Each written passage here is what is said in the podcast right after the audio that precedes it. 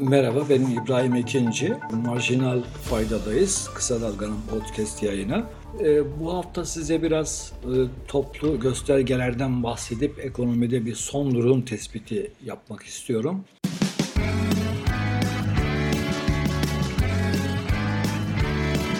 Kulağınız bizde olsun. Kısa Dalga Podcast. Ee, en feci göstergemiz enflasyondur bildiğiniz gibi. %83,5 seviyesinde. Şimdi tabii bu da TÜİK'in rakamı. Gerçek enflasyon tam olarak kaç? Yani bilmiyoruz. Benim tahminim yüzün üzerinde olduğu yönündedir mesela.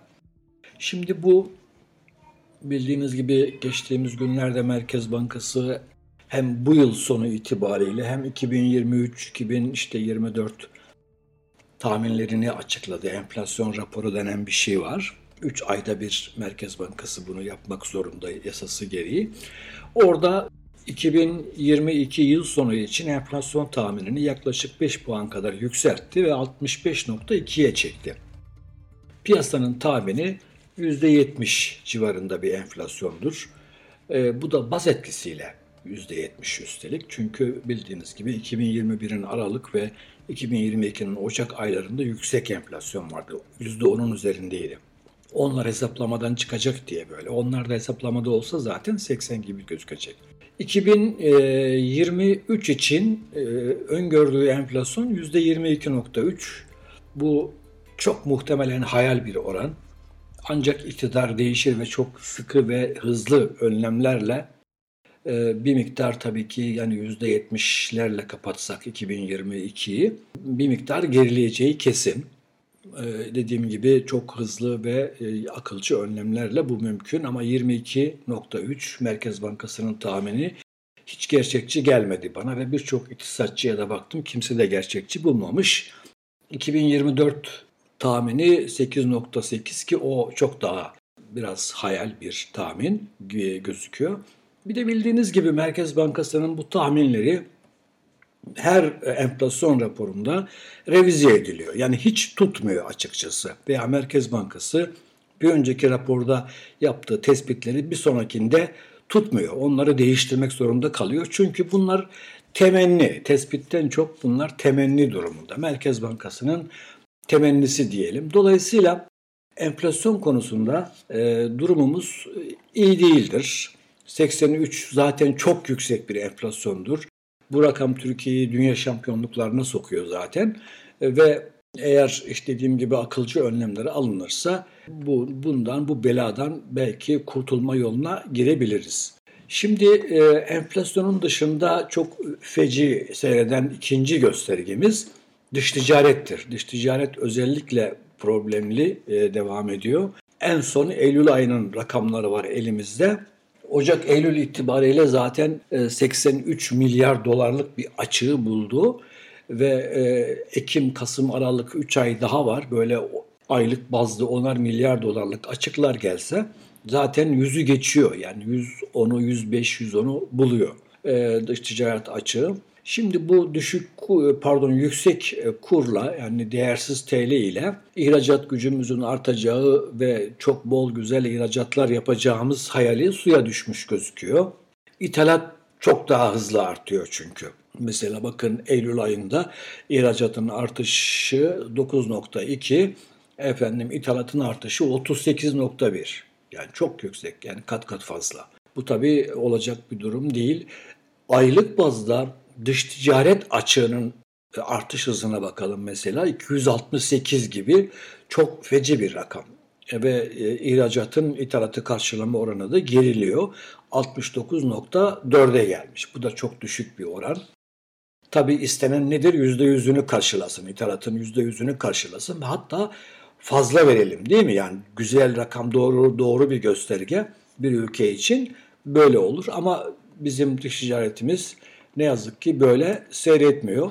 Ve tabii burada başka kötü göstergeler de var bunun altında. Yani ihracat birim fiyatları, yüksek teknoloji ihracatı filan gibi rakamlar bakımından da çok kötü durumdayız. Orada da üstelik bu son aylarda gerileme var. Mesela yüksek teknoloji ihracatında gerileme var. İthalatı artarken ithalatı düşüyor. Şimdi evet yani birinci feci göstergemiz enflasyon, ikinci feci göstergemiz dış ticaret. Tabii ki özellikle dış ticarete bağlı olarak üçüncü kötü göstergemiz cari açık.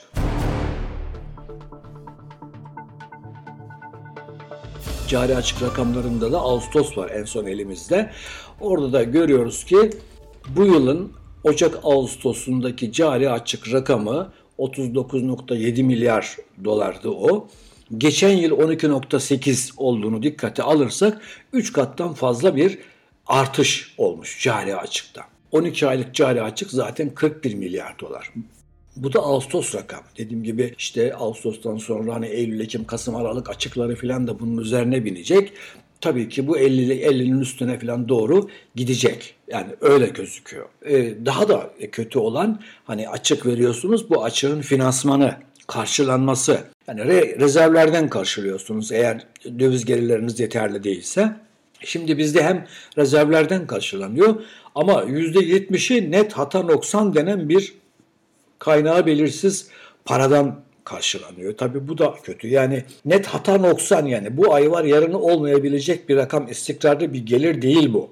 Yani izleyen aylarda girmezse hani durumumuz feci oluyor iyice. Açık büyüyor yani. O zaman hani rezervlerden hani de karşılanan rezervlerde dediğimiz hani Merkez Bankası'nın net rezervi elinde kullanılabilir rezerv 10 milyar dolar civarında. Yani o da çok düşük. Dolayısıyla üçüncü kötü göstergemiz e, cari açık artıyor. Bu bizim döviz açığımızı gösteriyor. Yani belli bir dönem içerisinde kazandığımız dövizler döviz giderlerimizi karşılamıyor. Sürekli açık veriyoruz ve bu açığı da bir yerlerden döviz bularak karşılamak zorundayız.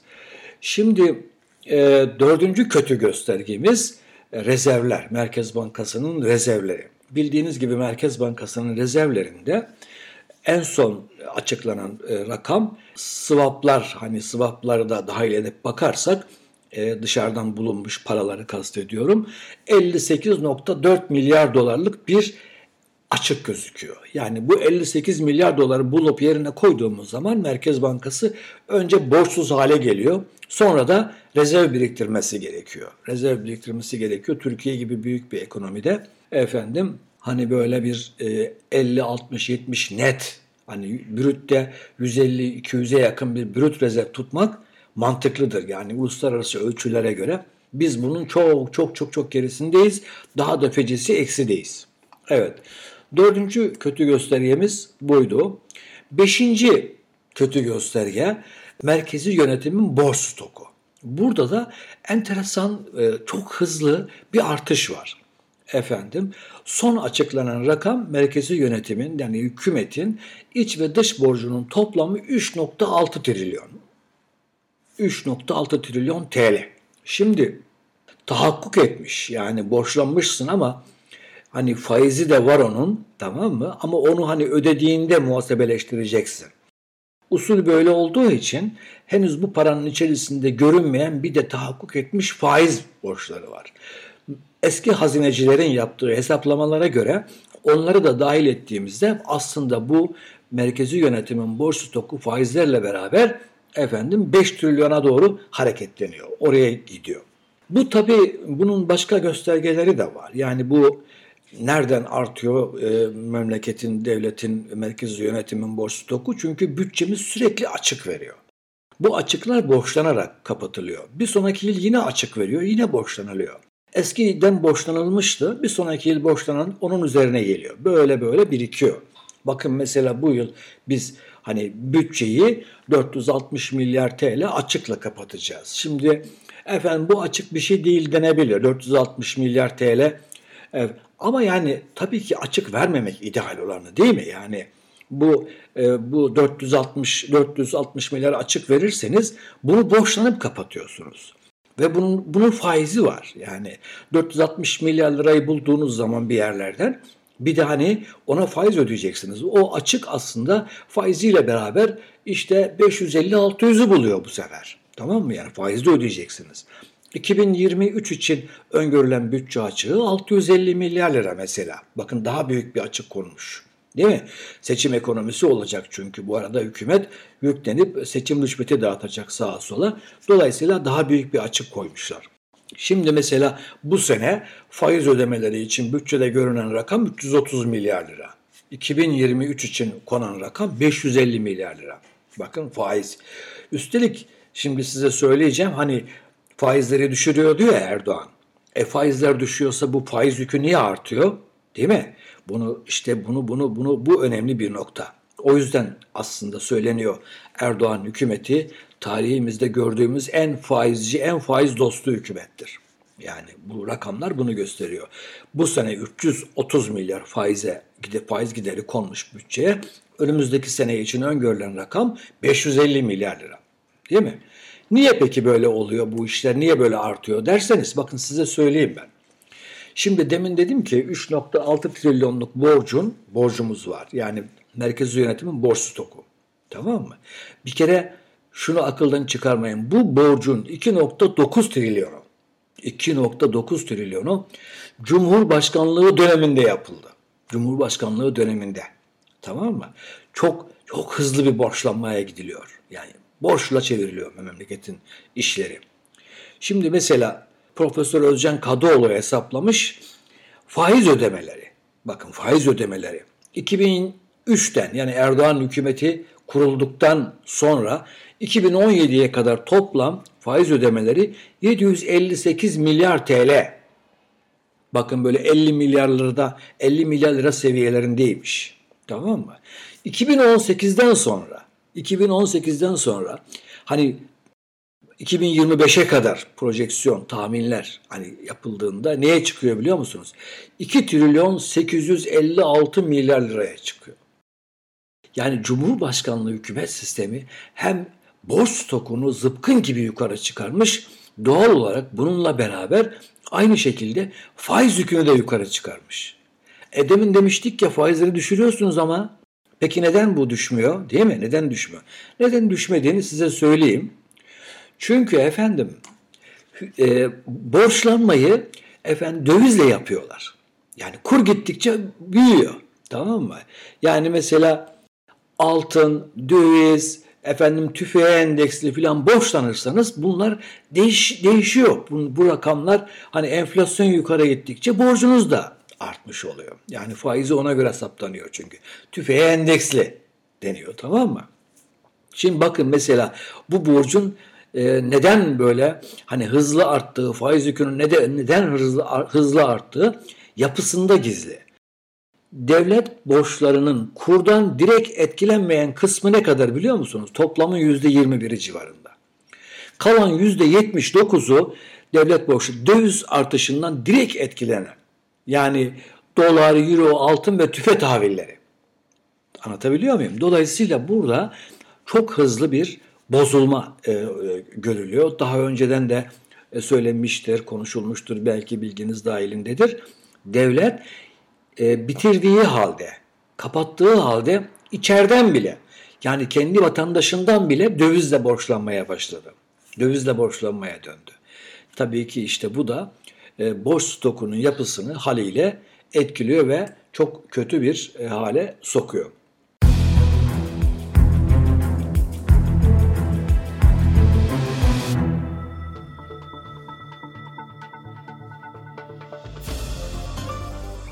Bunun yanında bir de garanti yükü var tabii. Yani faiz gideri gibi bir garanti yükü var. Bunun yanına bir kakame yükü de eklemiş olduk biz. Yani hükümet ekledi. Şimdi garanti yükü mesela hani meydanlarda bağırılıyor ya cebimizden kuruş çıkmadan yaptık filan. 2023 bütçesi için garanti ödemelerine konulan para 102 milyar. Bakın burada Uğur Emek Hoca'dan almış idim size söylemek için. Bakın şehir hastanelerinin hizmet alımları için ayrılan para 19 milyar TL. Şehir hastanelerinin kirası için ayrılan para 28 milyar TL. Bu karayollarının yani köprü ve otoyollar için ayrılan para yani onlara ödenecek garanti yükü tahmini 53.6 milyar TL. Avrasya Tüneli falan var. Orada da 1.7 milyar TL. Ben bunları topluyorum yüzü geçiyor. 102, 103'ü buluyor. 2023 yılında devlet kendi kesesinden bir de bu müteahhitlere ödeme yapacak. Ve bu garanti ödemeleri 2045 yılına kadar gidiyor arkadaşlar. Bunu aklınızdan çıkarmayın. Ben burada 150 hani 150 milyar dolarlık bir garanti yükü hesaplamış idim. 8-10 ee, proje için e, yüzün üstündeydi. Tamamı için 150. Ee, Uğur Emek Hoca'nın hesaplamaları bunun daha üzerindedir. Ve şunu düşünün. Hani demin demiştik ya devletin 3.6 trilyon e, borç stoku var. Burada da garanti yükünde de 3, 3 trilyon borç stoku var şu anda. Ve kur yukarı gittikçe aynen o iç borç stokunda olduğu gibi e, garanti yükünde de bu borç yukarı gidecek. Eğer yeni hükümet bunu halletmezse gerçekten işimiz haraptır yani.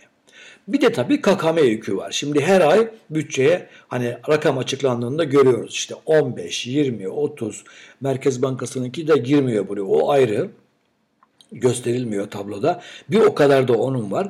Yani şu ana kadar bir kere 200 milyara yakın bir yük oluştu. Yani tamam mı? Bu da tabii kura kura endeksli bir durum. Yani kur yukarı gittikçe kur farkını ödüyorsunuz. Yani bankaların faizinin üzerine kur farkını tamamlıyor hazine. Merkez Bankası ikisi ayrı ayrı tamamlıyor. Dolayısıyla üçüncü bir gider kalemi de buradan oluşmuş oldu. Memleketin sırtına. AKP kendi çarkını çevirmek için öyle bir büyük enkaz yaratıyor ki gerçekten. Hani bunu hani hani tabir uygunsa acıyorum yani bunu devralacak bir hükümete gerçekten acıyorum çünkü bunlar nasıl düzelecek? Yani bu çok hakikaten çok sıkıntılı bir durumdur. Şimdi kredi faizleri, efendim işte bildiğiniz gibi konut fiyatları, efendim kredi kullanımı vesaire gibi birçok gösterge berbat oldu. E, bu e, akıl dışı faiz uygulamalarından ötürü. E, şimdi biliyorsunuz her gün BDDK bir karar alıyor. İşte şirketler efendim döviz varlıkları 15 milyon TL'ye geçerse kredi kullanamazlar. Şimdi onu 10 milyona çektiler. İşte hasılatının %5'inden fazla döviz varlığı olan kredi kullanamaz. Sürekli şirketleri döviz satmaya zorluyorlar. Dışarıdan döviz arıyorlar. Efendim içeriden de bankaların ensesinde boza pişiriyorlar şu anda. Hani şunu konuştuk biz hatırlayacaksınız.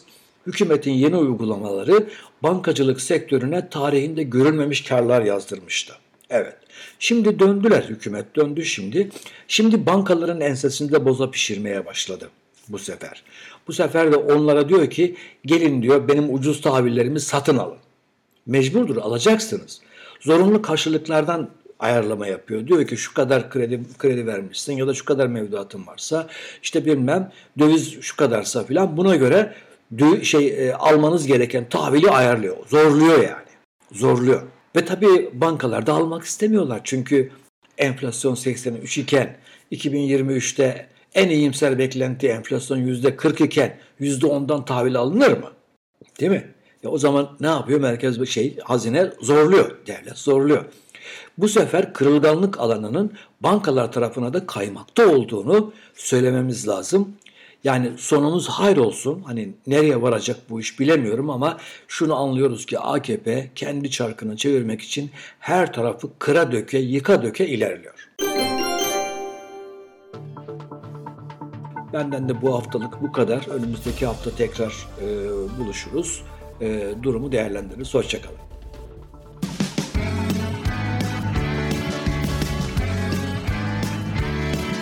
Kulağınız bizde olsun. Kısa Dalga Podcast.